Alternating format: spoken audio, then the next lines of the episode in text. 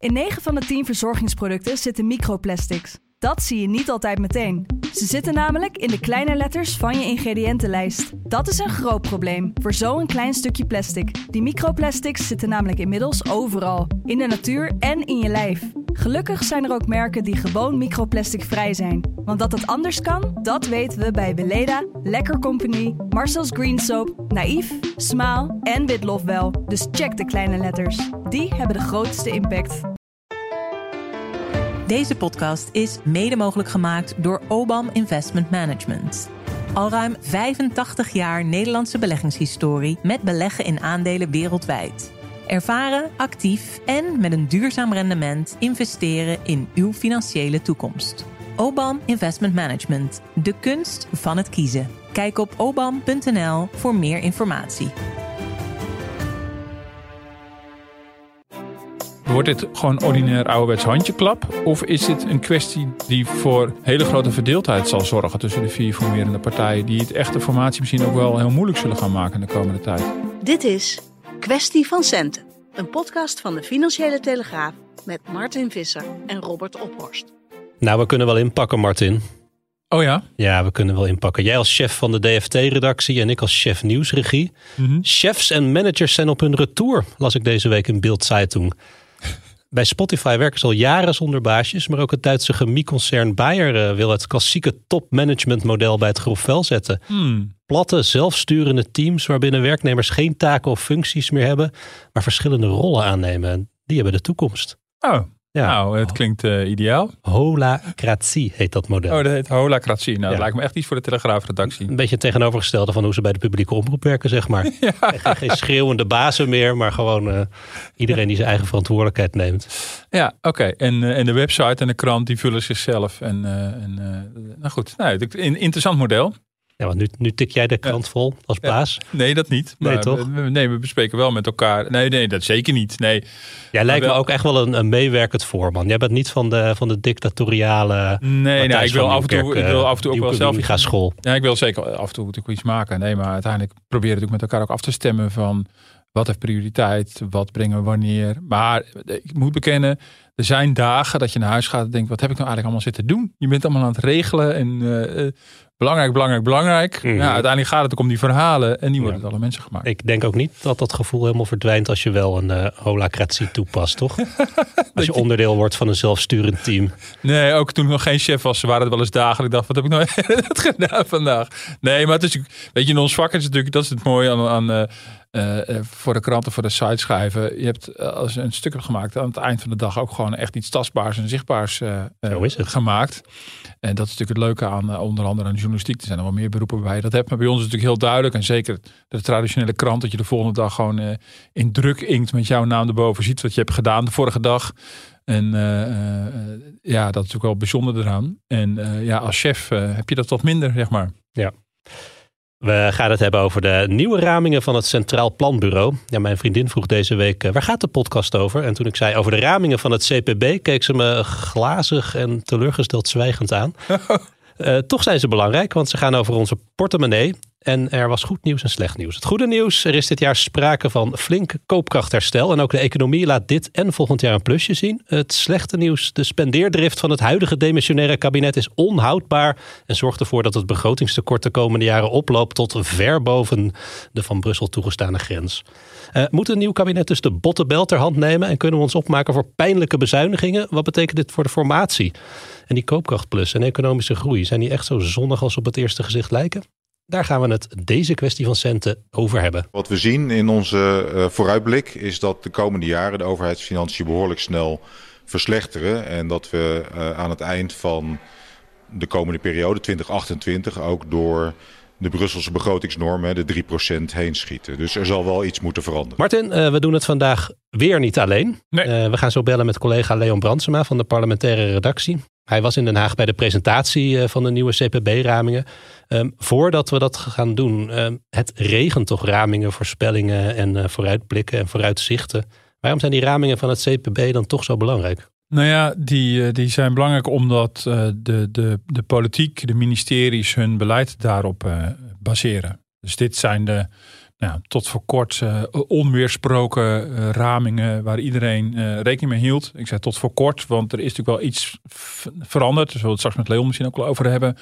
omdat er nu een aantal partijen aan het formeren zijn of een poging daartoe doen die wat anders hier tegenaan kijken. Maar normaal gesproken is het zo dat regeerakkoorden bijvoorbeeld echt gebaseerd worden, verkiezingsprogramma's doorgerekend worden door het Centraal Planbureau. En deze ramingen zijn de, de basis daarvoor. Dus we, brengen ook vaak de raming van de Nederlandse Bank uh, ramingen van allerlei economische bureaus van commerciële banken. Van commissies. Ja, van allerlei commissies en, en, en dergelijke. Eh, van de Europese Commissie en uh, eh, IMF en weet ik wat allemaal. Maar, maar dit is echt uh, de, voor Den Haag de belangrijkste bron van cijfers. Ja, en ja, tot voor kort wel redelijk buiten discussie. dus in die zin is het, is, het, is het heel belangrijk. En het is ook wel zo dat het is ook een goed tegenwicht in Den Haag want uh, op sommige punten verschillen de cijfers van het Centraal Planbureau bijvoorbeeld ook van die van financiën. Ja. Daar waar je uh, bij financiën, bij het ministerie, misschien af en toe nog kan denken, nou, eh, is het misschien toch niet een, zit er niet iets van politiek wensdenken achter? Dat zullen ze niet leuk vinden als ik dat zeg. Is dat het Centraal Planbureau, uh, dat officieel onder de economische zaken valt, wel echt op een, st stukje afstand van, van de uitvoeringen van de politiek van het ministerie. En is, wordt daar toch gezien als echt um, um, ja, onpartijdig. Uh, maar zo dicht tegen de politieke werkelijkheid aan dat ze echt de basis kunnen zijn voor het beleid daar.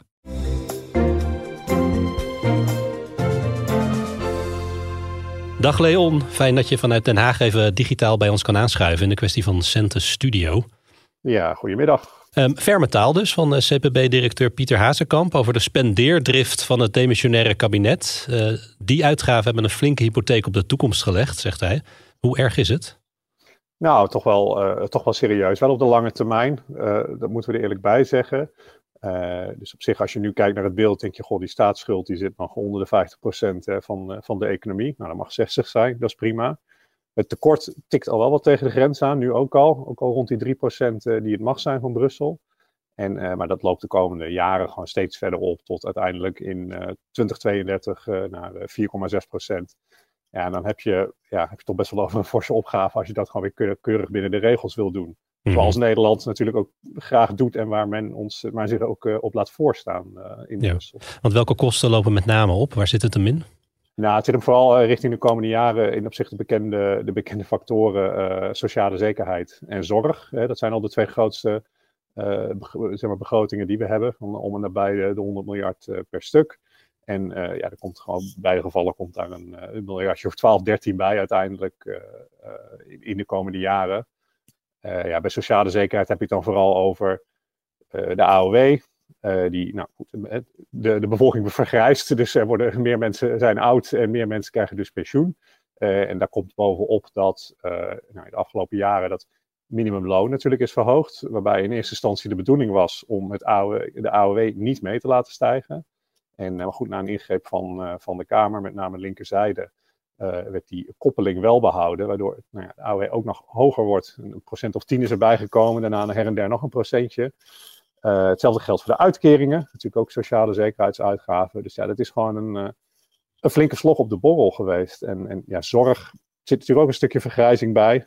En uh, anderzijds is dat, ja, is dat een, een begroting die uh, ook uh, zonder, dat, zonder enige overheidsbemoeienis uit zichzelf al flink uit de kluit blijft groeien. Dus, het apart, apart, aparte was natuurlijk wel, Leon, dat bij het vertrek van Sigrid Kaag, als minister van Financiën, ze in, in verschillende media eigenlijk best wel goede ehm, ja, uitzwaaiverhalen kreeg. Van nou, ze laten staatskas heel, staatskas heel goed achter. we staan er supergoed voor. Het tekort is nog nooit zo laag geweest. Maar dit lijkt daar toch totaal mee in tegenspraak. Ja, ja en het is in zekere zin is het wel allebei waar. Want uh, het tekort was inderdaad ook heel erg laag. Uh, nou, het tekort viel nog mee, maar vooral de schuld zelf, moet ik zeggen. wat net al zei, onder de 50%. tegelijkertijd is er natuurlijk heel erg veel extra uitgegeven. Nou, deels nou, ook al voor de periode van Sigrid Kaag in de coronasteun. Uh, en daarna natuurlijk ook veel in de koopkrachtsteun vanwege de energiecrisis. Dus deels ook noodzakelijk, maar ook gewoon keuzes. Klimaatfonds, stikstoffonds, uh, geld voor defensie. En um, ja, dus je had een soort van gekke werkelijkheid waarin er steeds meer geld werd uitgegeven, maar tegelijkertijd die schuld eigenlijk maar niet opliep.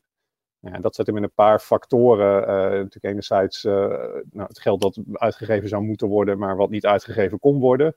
Dus je geeft heel veel geld uit aan defensie, maar dan moet je ook nou ja, mensen die bij defensie gaan werken en die zijn moeilijk te vinden in de krappe arbeidsmarkt. dus ja, dan heb je het geld misschien wel uitgegeven, maar heb je het geld gepland om uit te geven, maar geef je het niet uit, waardoor het nou, in de staatsschuld dus eigenlijk wel meevalt. Je hebt de factor van de economie die gewoon goed liep, waardoor er steeds meer, steeds, meer belastingen dan verwacht binnenkwamen. Winstbelasting van bedrijven bijvoorbeeld, voornamelijk. En daardoor ja, is dat, die, die spendeerdrift is er wel geweest, maar het, het resultaat ervan zag je eigenlijk nog niet echt terug in de cijfers. Maar wat je nu dus ziet in die, in die nou, nieuwe lange termijn ramingen richting 2032 is eigenlijk ja, de alsnog uitkomst van dat beleid dat met name nou ja, dit demissionaire kabinet heeft ingezet. Ja. En dus ik steeds gezegd, ook voor mij ook wel een beetje aangemoedigd door alle economen, van ja, de rente is heel laag. Uh, er zijn grote uh, opgaves in Nederland rondom klimaat met name en stikstof. Uh, dus het is ook niet zo gek als een, als een kabinet, de vorige twee kabinetten, gewoon vooral gaan investeren. en dat de staatsschuld dan wat oploopt. Ja, maar kun je dit allemaal investeringen noemen als de grote uitgavenposten die toenemen, vooral bij sociale zekerheid en zorg zitten. Ja, nou, dat zit natuurlijk, dat zit er ook. En, en, uh, maar het klopt wat je zegt. Er zit natuurlijk een deel ook investeringen in. Hè. Het is nou ja, los van hoe je, wat je ervan vindt en of het een goed idee vindt of niet. Zo'n groeifonds, uh, Wopke Wiebesfonds, beter gezegd. Een klimaatfonds, een stikstoffonds. zijn natuurlijk misschien wel investeringen uh, om die problemen tegen te gaan. maar het klopt ook wat je zegt. het verhogen van het minimumloon en daar die uitkering maar mee laten stijgen, dat is nou niet per se een, een investering om de problemen in het land op te lossen. Nee, overigens was er eh, wel één medium wat dapper weerstand bood tegen al die eh, positieve verhalen over Kaag. Ene Martin Visser schreef op 14 september 2003, of 2023, eh, dus al lang voor haar vertrek. De financiële erfenis van Kaag is wanstaltig. Een column, hè? Ja, was een column. Um, Leon, we hadden, nou hadden we eerder uh, al de studiegroep begrotingsruimte, die eenzelfde waarschuwing liet klinken. De Nederlandse Bank heeft aan de bel getrokken. En ook het CPB liet vorig jaar nagenoeg dezelfde waarschuwing horen. Ik pak even ons bericht erbij van vorig jaar maart, toen het CPB met de vorige ramingen kwam. En toen schreven wij, ik citeer, nu lukt het nog niet om alle begrote euro's uit te geven, onder meer vanwege de tekorten op de arbeidsmarkt. Maar het planbureau verwacht dat, in de toekomst, dat het in de toekomst wel gaat lukken. En dan ligt het begrotingstekort elk jaar boven de in Europa afgesproken grens van 3% het komt volgens het CPB door de grote zakken geld waarmee de politieke verschillen in, de, in het coalitieakkoord zijn weggepoetst en de stijgende rente waardoor geld lenen duurder is geworden voor de staat eigenlijk één op één uh, met wat ze nu zeggen. Ja, dus het lijkt ja, een beetje. Stuur het even toe, dan, dan zet ik het in het krantenstuk van morgen. Dat maar het, het, het, lijkt inmiddels een beetje op een repeterende plaat. Komt de boodschap dan nog wel aan in politiek Den Haag? Of hebben ze daar iets van, gaap, daar gaan we weer? Uh, nou ja, kijk, als we het even. We hebben natuurlijk een beetje twee realiteiten. Enerzijds het, het uh, nog zittende demissionaire kabinet en, en, en, en de coalitie die niet meer de coalitie is. Ehm, misschien is het goed om ook al even te kijken naar. nou ja, wat, wat er in de toekomst misschien als coalitie bij elkaar komt. Mm-hmm. en, en daarbij heb je niet per se dat idee dat, bij, in geval bij een deel van die partijen, dat men zich heel veel zal aantrekken van deze, nee. Uh, van deze berekeningen. Dus je hebt enerzijds wel de VVD die nou, het al wel langer hamert op van we moeten toch echt gaan bezuinigen. En het moet ook een keer klaar zijn met het, uh, met het uitgeven. Wat natuurlijk ook een beleid is waar ze zelf voor hebben getekend de afgelopen jaren. Dat moeten we erbij zetten. Maar ja, een, een BBB heeft al meerdere keren aangegeven van uh, wij geloven niet zo in die, die modellenwerkelijkheid. En uh, we moeten gewoon investeren. En dat kan ook weer heel veel geld opleveren. Maar dat zie je niet bij het CPB. En ook de PVV heeft natuurlijk niet heel veel op met Brussels, in Brussel opgelegde normen over hoe wij onze begroting moeten inrichten. Dus dat is gewoon best wel een pijnpunt ja, in, in die formatieonderhandelingen. Welke partijen die, dat ook maar weer gaan oppakken de komende week. Ja, want die ramingen zijn dus niet alleen een duidelijk, geven niet alleen een duidelijk oordeel over de begrotingsdiscipline van het huidige demissionaire kabinet, maar het is ook een duidelijke boodschap aan een volgend kabinet en daarmee aan die formerende partijen. Um, ja, nee, klopt, klopt. Ja. Wat denk jij dat dat dan nu gaat betekenen voor dat formatieproces? Hoe gaat dit doorwerken?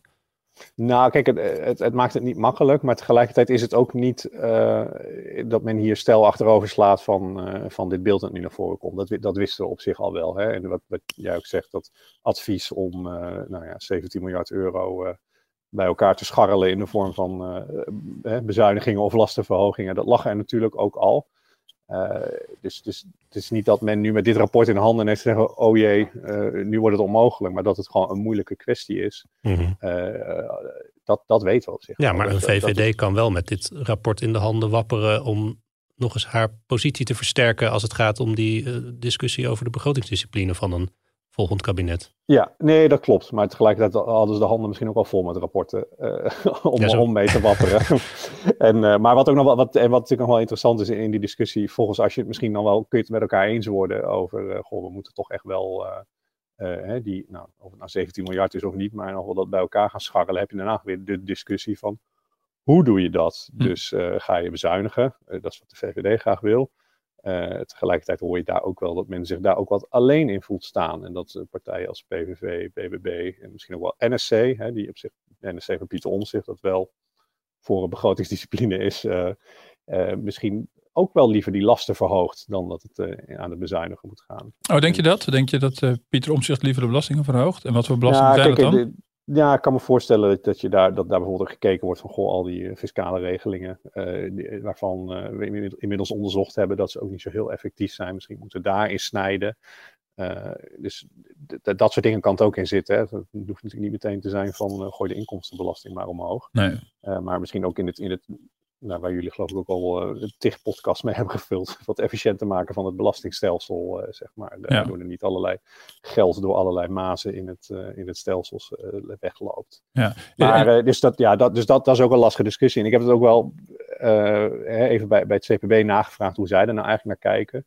Kijk, het CPB is neutraal. Eh, Die, die zeggen dan meteen dat is een politieke keuze. Mhm. Of je bezuinigt of lasten verhoogt. Tegelijkertijd lees je in, eh, in die ramingen van, eh, van deze donderdag lees je gewoon wel dat ze heel erg wijzen naar dat er wel heel veel is uitgegeven. Precies. En dat er ook wel, eh, zeg maar, eh, nou, ik sprak Pieter Hazekamp, de directeur van het CVB, net even. En die zegt van ja, de, de oploop van het tekort gaat eigenlijk gelijk met de oploop van de uitgaven. Oftewel, dat tekort wordt steeds hoger, omdat er steeds meer wordt uitgegeven. Ja, het is een vrij overtuigend plaatje wat ze laten zien.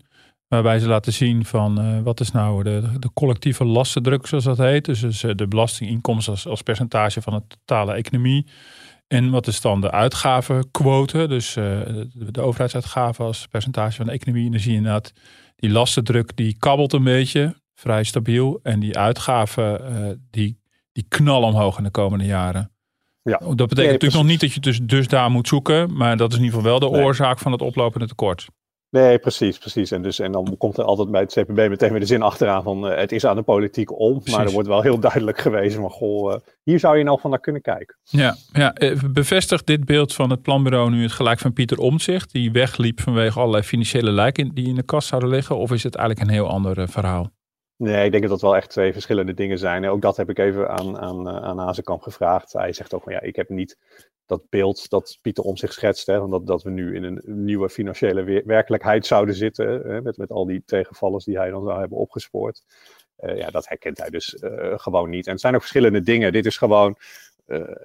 ja, wat je in die ramingen ziet, is gewoon het gevolg van al het beleid dat is ingezet in de afgelopen jaren. En wat, eh, nou ja, omzicht ja, heeft gevonden of meent te hebben gevonden, zijn allerlei tegenvallers die nooit eh, gemeld zou zijn. Toch een indi- indirecte aanklacht eigenlijk tegen het ministerie van Financiën, die eh, dingen onder de pet zou houden. En ja, da- daarvan zegt CPB van, joh, dat, dat, dat, hè, die hebben natuurlijk ook die stukken kunnen zien, zoals we dat allemaal hebben kunnen zien. Die zeggen, ja, dat zien wij niet echt. Hè, we zijn altijd zelf ook al wel wat voorzichtiger dan het ministerie van Financiën is eh, qua het inboeken van tegenvallers. En, maar dat is het ook wel, ja. En dat kan gebeuren dat je een rechtszaak verliest eh, over box 3, waardoor je weer een eh, x aantal miljard eh, moet compenseren.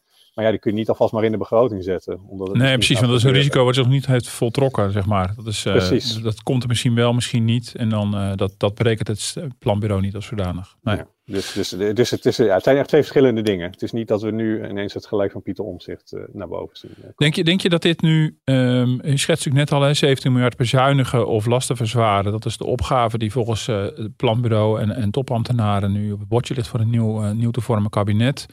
Eh, de vier partijen die zitten daar heel anders in. Eh, eh, wordt dit eh, gewoon ordinair ouderwets handjeklap? Of is dit een kwestie die, die voor hele grote verdeeldheid zal zorgen tussen de vier formerende partijen, die het echte formatie misschien ook wel heel moeilijk zullen gaan maken in de komende tijd? Nee, ja, je kunt natuurlijk uiteindelijk een, uh, een, nou ja, een, een, pakketje maken, zeg maar. Uh, de bekende pakketjes met dat je zegt van nou, we willen daar wel de boel weer op orde brengen. En dan doen we dat met een deel met bezuinigen. En dan doen we het met een deel ook wel nou, met inderdaad toch lastenverhogingen. Daar kun je natuurlijk uiteindelijk best wel uitkomen. De vraag is natuurlijk een beetje met wie moet je eruit gaan komen. Hmm. Omdat er nu wordt gekeken naar dat nou ja, dat, dat extra parlementaire kabinet of het zakenkabinet of misschien het Deense model. Met, of ja. het Deense model of wisselende meerderheden. En um, kijk, als je, als, je, als je er een deal over maakt, dan moet je wel ja, een compleet pakket leveren. En als je telkens met verschillende partijen gaat zoeken op hoe betalen we deze rekening, hoe betalen we die rekening, krijg je ook natuurlijk verschillende wensen. Als je met de SGP wil samenwerken, dan zijn bezuinigingen gewenst, wil je het PvdA GroenLinks erbij trekken. Dan moet je het weer in lastenverhogingen zoeken. Dus het is ook een, nou ja, een beetje de vraag wie nou eigenlijk met wie gaat praten. Ook. Ja, want het CPB zegt ook, dit, dit vraagt om heldere keuzes eh, in de beleidsambities. Ja, dat strookt niet echt inderdaad met het beeld van allerlei uh, um, Deense en extra, extra parlementaire vormen... waarin je steeds per plan een meerderheid moet vinden. Nee, precies. Nee, hoe, meer, uh, uh, ja, hoe meer partijen je aan tafel krijgt. Uh, het is ook wat, wat, wat Pieter Haaskamp ook letterlijk zegt. hoe losser de coalitievorm, hoe lastiger het is om budgettaire kaders te handhaven. Ja, omdat er, omdat er dan geen samenhang meer is tussen alle verschillende Precies, precies. En, en, en eh, ja, iedereen wil toch ook weer wat zoets hebben uh, als men uh, een deal sluit. en, en het zuur is altijd weer wat lastiger te nemen. Dus ja, hmm. wordt er niet makkelijker op. Maar denk je nou echt dat er nu een, een, nieuw kabinet gevormd gaat worden... wat als basis financieel heeft om de belastingen te gaan verhogen? Dat, is toch een, dat, dat, dat, dat verkoopt toch niet? Hoe, hoe, krijgen ze, hoe, hoe willen ze dat gaan doen? ja, nou ja, kijk, het hangt er ook een beetje vanaf, denk ik, welke, ja, welke, welke belastingen je het over hebt of niet. Um, kijk, ik, ja, nee, het is nou moeilijk te verkopen en, en de belastingen voor burgers zal men uh, graag willen handhaven. Uh, dus dan kom je misschien toch snel weer uit bij, toch weer wat bij het bedrijfsleven, toch weer wat bij um, nou ja, de vermogende mensen in het land. Hè, box 2 uh, tarieven, box 3 tarieven. En daar gaat de VVD gewoon voor tekenen, denk jij? Nou ja, dat weet ik niet. Dat weet ik niet. Ja, nee, dat is de vraag. Ja, daar zullen ze in ieder geval niet vrolijk van worden. Nee. Maar Leon, je zei net terecht van uh, een, een, partij als die van Wilders heeft niet zoveel op met alle, alle, alle regels die in Brussel zijn afgesproken. Kan het ook zo zijn dat Nederland gewoon denkt van, nou ja, bedankt CPB voor dit advies, maar we laten dat begrotingstekort wel gewoon verder oplopen, omdat we niet gaan bezuinigen en we gaan niet die lasten uh, enorm verhogen? Ja, het zou een enorme trendbreuk zijn. Ja, ik, uh, hoe alles kan. Maar uh, het zou we, wel echt we hebben wel meer trendbreuken gezien de laatste jaren. Nee, dat is waar, dat is waar. Maar we hebben natuurlijk niet alleen uh, ons, nou ja, toch ook wel vaak keurig, redelijk keurig gehouden aan de regels, maar dat natuurlijk ook gebruikt. denk aan de coronacrisis met de toenmalige minister Hoekstra van Financiën. Ook echt gebruikt richting andere landen. Van, ja. ja. zorg nou dat je de boel op orde krijgt. Dus het is wel, je ziet wel ook zeg maar, die afspraken over de nieuwe Europese begrotingsregels, dat Nederland wel een wat softere koers uh, heeft gekozen. Ineens uh, partnerships met Spanje sluit, waarbij natuurlijk is het gewoon vroeger meer de Noord-Europese zeg maar, landen een, een, een, verbond heeft gesloten met strenge, strenge blik op zaken. Maar ja, om nou helemaal niet meer aan de begrotingsregels te houden, dat is wel, dat is wel een heel grote toekomst. Ja, maar goed, vlak voor jou opbelde vroeg Robert aan mij van waarom is nou uitgerekend de raming van het planbureau zo belangrijk? Toen zei ik, nou, tot voor kort was dat onomstreden de basis voor, voor al het politieke handelen. Uh, programma's werden doorgerekend door het planbureau. Uh, regeerakkoorden werden doorgerekend en gebaseerd op het planbureau. Nu zitten daar natuurlijk partijen te formeren die ook heel anders bijvoorbeeld tegen deze cijfers aankijken. Dus, dus nog veel basaler. Kunnen deze vier partijen het eigenlijk wel eens worden, denk je, over de financiële spelregels? Waar gaan ze hun beleid precies op baseren? En zijn ze bereid om te accepteren dat er een planbureau of een financiën domweg gaat zitten rekenen? Of, of ja, hoe, hoe, hoe loopt dat, denk jij? Ja, ik, heb ook natuurlijk ook geen alternatief gehoord. Laat ik het dan, laat ik het dan zo zeggen, van, van hm. hoe het dan uh, wel zou moeten.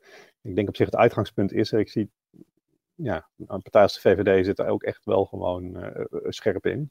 dus die zullen dat ook niet zomaar gaan laten varen. Dus ik denk dat dat al een, een flinke obstructie is voor, voor zeggen, we gaan het maar op een hele andere manier doen. Dus ja, ik zie ook niet in wat het alternatief is. Ja, CPB maar, maar afschaffen of niet meer aan de regels houden.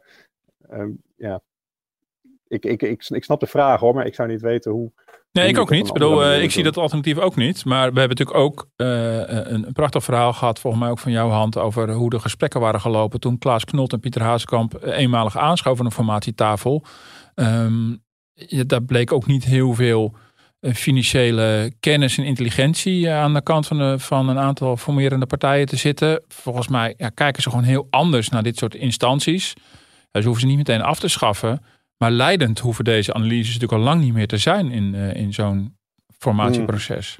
Nee, klopt. Je, je, kunt, je kunt er met een andere blik naar kijken. Dat is ook niet, ook niet zo nieuw. Hè? Bij, bij D66 hoorde je altijd terug.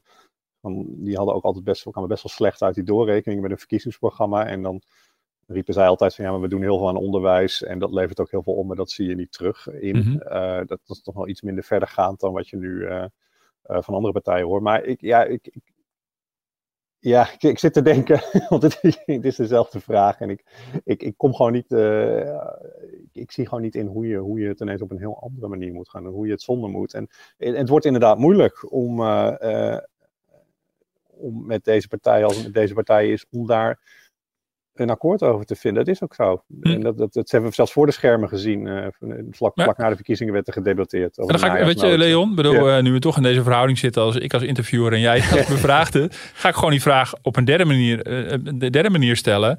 Gaat bijvoorbeeld het regeerakkoord straks doorgerekend worden? nou ja dat, ja, dat weet ik ook niet. Ik kan me wel herinneren dat we bij het vorige regeerakkoord er iemand uh, vooraan stond om uh, te zeggen van we moeten wel een doorrekening hebben voordat we er goed over kunnen uh, debatteren. En dat was Pieter Omtzigt. Ja. Dus het lijkt me dat hij er ook waarde aan hecht dat dat zou gebeuren. Ehm, dat lijkt me bij de VVD ook. Um, ja, bij andere partijen is dat, vindt dat moeilijker in te schatten. Ja. De BBB heeft blijkbaar minder behoefte aan aan doorrekeningen. Maar, nee, ik kan me voorstellen dat heel veel mensen denken van wat uh, jongens, wat een, wat een Haagse werkelijkheid, waarom is het nou zo boeiend? Ja. Maar dat geeft wel iets aan over, ja, baseer je je nou met elkaar op hetzelfde? Ik bedoel, accepteer je elkaar spaar, uh, spelregels? En uh, bedoel, ja, of het CPP nou wel of niet doorrekent, dat lijkt misschien voor de, voor de doorsnede ja. Nederlander niet heel relevant. Maar het zegt wel iets over ja, of je met z'n allen aan hetzelfde touwtje zit te trekken. Ja. Of, of, eigenlijk een heel ander spel aan het spelen bent. Ja, kijk, kijk en, en het hangt er ook weer vanaf wat, wat voor akkoord maak je natuurlijk. Ja. Hè? Uh, als je dat op alleen op hoofdlijnen zou doen, uh, wat dan ook weer geopperd wordt. En wat weer bij zo'n extra parlementaire variant zou passen. Dan, ja, dan valt er ook niet zoveel door te rekenen. Want dan, uh, dat kan alleen als je, het, als je het ook in detail uitwerkt. Dus misschien komt het niet eens aan de orde. Nee, dat zou helemaal interessant zijn. Nou, dan gaan we Wim Suiker weer uh, interviewen. Ja, de gepensioneerde CPB'er die gewoon uh, op zijn zolderkamer ongevraagd ja. politieke plannen doorrekent. En Leon, we kijken nu ook nog vooral naar die vier partijen... Hè, die, die, die, bij wie op de pauzeknop is gedrukt door omzicht aan die formatietafel. Maar bieden deze ramingen misschien ook meer hoop voor bijvoorbeeld een, een Timmermans van PvdA-GL... Ja, die, nou, die, die, route zie ik nu nog niet. En ook, eh, ook niet per se in verband met die ramingen. Uh, nee, nee. Ja, nou, voor deze bespiegelingen hebben we ook een hele goede andere podcast uh, natuurlijk. zeg ik dan maar meteen. met, met, met onze politiek commentator Wouter de Winter. Om, om daarover te luisteren. Maar nee, ik zie dat niet meteen. het kan natuurlijk zijn dat dat pad een keer belopen wordt. Al was het maar omdat, er een, omdat het misschien vastloopt bij deze vier partijen. Maar... Um, ja, kijk, eh, daar heb je dus die botsing over, eigenlijk dezelfde botsing over, moet je het dan het geld dan halen uit bezuinigingen of lastenverhoging. Ja, dit is voor elke partij een, eh, een duivels ja. dilemma. Ja, precies. Ja, en sowieso even, um, uh, er zat wel wat economisch goed nieuws in, dat, het, uh, dat, dat, dat de economie weer een beetje iets aantrekt. Maar uiteindelijk het, voor, de, voor de langere termijn is natuurlijk het economische beeld best wel matig en sober. Dus dat is het, 1, 1,5 procent, uh, procent economische groei voor de komende jaren het speelveld voor de politiek, even los van die specifieke doorrekening, is sowieso ook wel, wel anders dan dat het heel lang is geweest. Uh, het is allemaal niet zo uitbundig meer. Dus dat geeft, denk ik, sowieso, welk kabinet er ook komt, natuurlijk een heel andere manoeuvreerruimte wat je hebt. Ja, nee, het is, het is gewoon een stuk, uh, een stuk beperkter. Zoals het er nu uitziet. En, en dan zie je voor volgend jaar alweer dat koopkrachtplaatje op 0,0 staan. En dan denk je, god, dat is ook alweer een karige boodschap. Maar ja, je ziet ook niet meteen de ruimte om, uh, om dat nog eventjes wat op te poetsen. Nee, precies. Want de koopkracht voor dit jaar zit flink in de plus. Hè, doordat de lonen hard stijgen en de inflatie ja. wat harder omlaag gaat dan we dachten. Maar 2025 is het precies, het is gewoon echt letterlijk 0,0 de koopkracht. Ja, ja, door de bank genomen, mediaan, et cetera. Maar uh, nee, klopt. Ja, en dan ja, kun je denken van, goh, uh, daar willen we misschien wel een leuk plusje van maken uh, als we eruit komen met z'n allen. Maar ja dan, ja, dan, dan moet er inderdaad een zak geld bij en die moet ergens vandaan komen. En er moet ook nog een heleboel zakken geld weggestreept worden. Dus de, de, de, ruimte is inderdaad een stuk beperkter. We gaan het uh, komende weken, maanden volgen, Leon. En inderdaad, zoals je al zei, op uh, elke vrijdag afhameren met uh, politiek commentator Wouter de Winter over alle politieke details over het, spel dat daar nu gespeeld wordt achter het scherm. Um, Leon, dankjewel voor je duiding en uh, tot snel. Ja, tot snel mannen.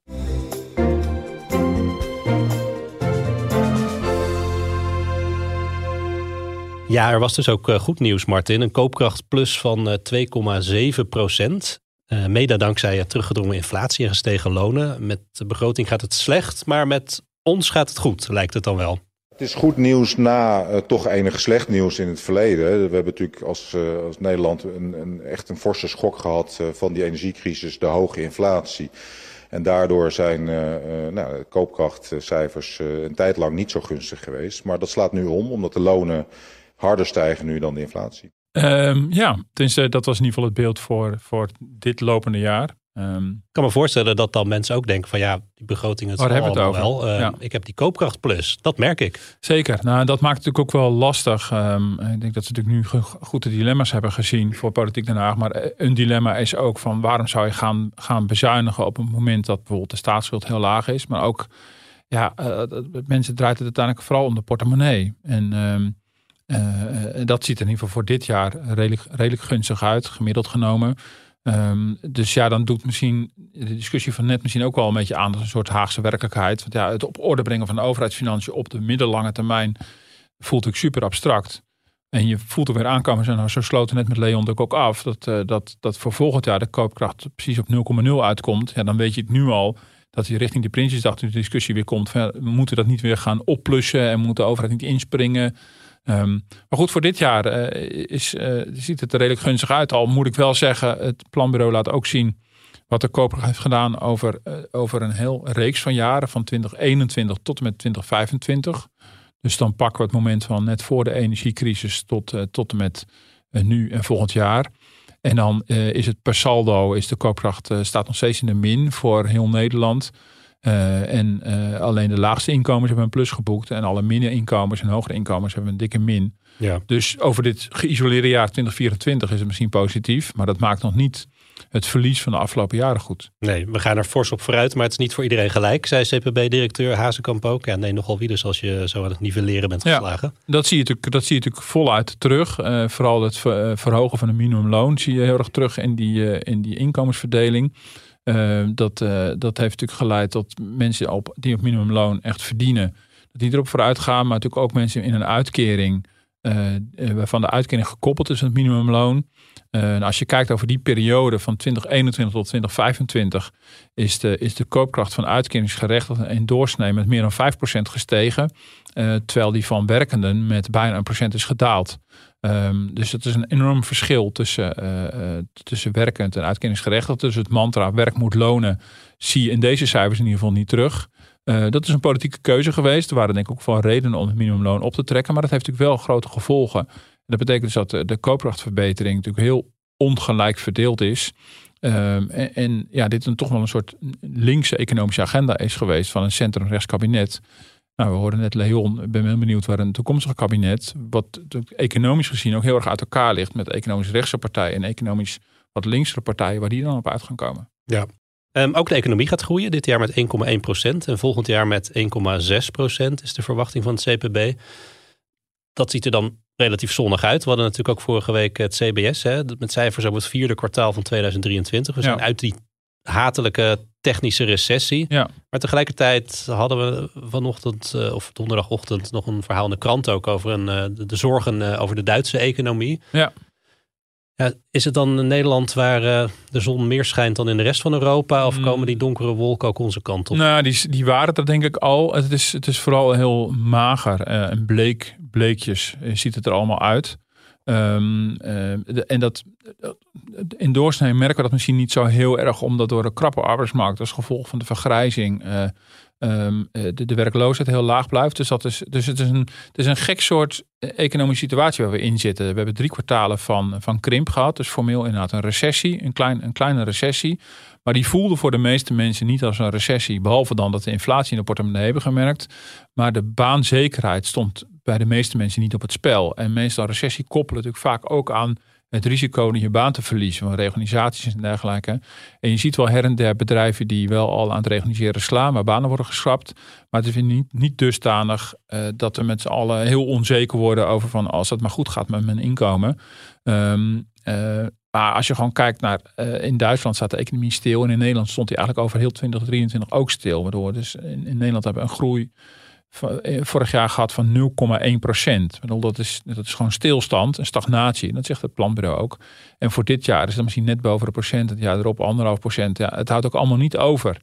Uh, en dat heeft, ook met die, uh, dat heeft ook met de vergrijzing te maken. Dat we natuurlijk gewoon met z'n allen als totale bevolking minder productief worden. En we, ja, à la Japan, dat al een eentje voor, voorloopt in de vergrijzing, natuurlijk vermoedelijk een, langere periode ingaan van heel gematigde groei. En dat hoeft niet per se heel erg te zijn. Alleen de speelruimte die je dan hebt uh, om, om al je collectieve voorzieningen op, op peil te houden, dan wel te verbeteren, is natuurlijk veel kleiner. Want dat heeft ook impact op de belastinginkomsten voor de overheid.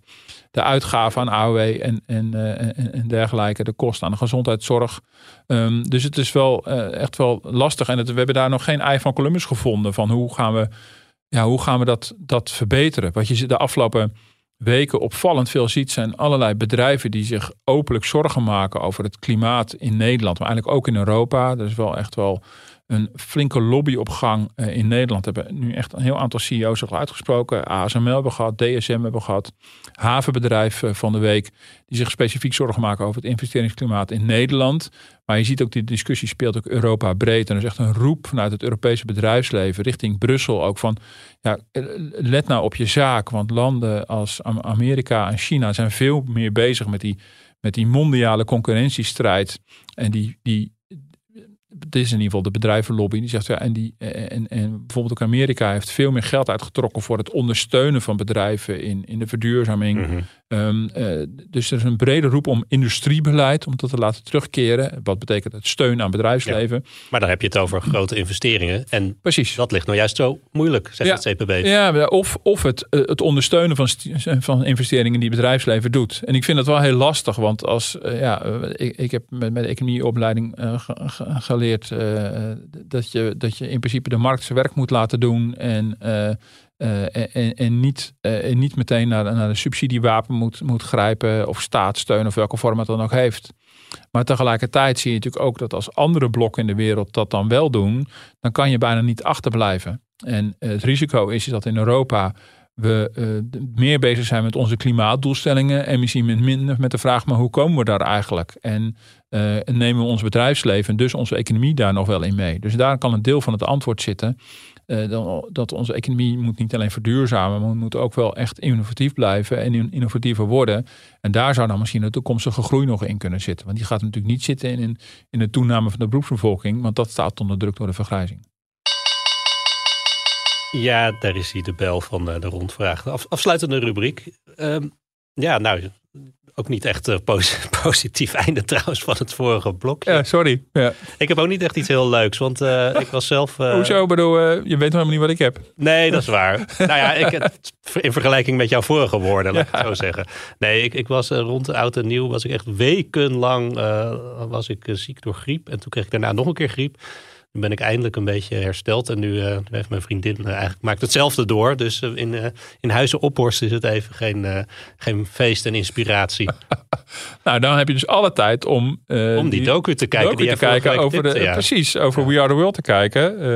Ja, dat, dus, ik had mijn Netflix abonnement een tijdje gedaan, oh, ja. opgezegd. Dus die zal ik weer even Ja, want ik heb, die, ik heb dus, dus van de week voor de tweede keer gekeken. Nou, ik ga er niet weer over beginnen. Maar goed, wel eens opnieuw leuk. Nou, ik, ik ga zaterdag naar de kunsthal met, uh, met de familie gaan we een dagje naar Rotterdam. Ik heb daar 18 jaar gewoond, dus het is altijd weer thuiskomen in Rotterdam. En, uh, is dat jouw studentenstad? Uh, dat is mijn studentenstad. En, en een hele tijd daarna, ik ben daar getrouwd. En ja, ik heb dus een, heel lang gewoond. Het altijd weer leuk om te zijn.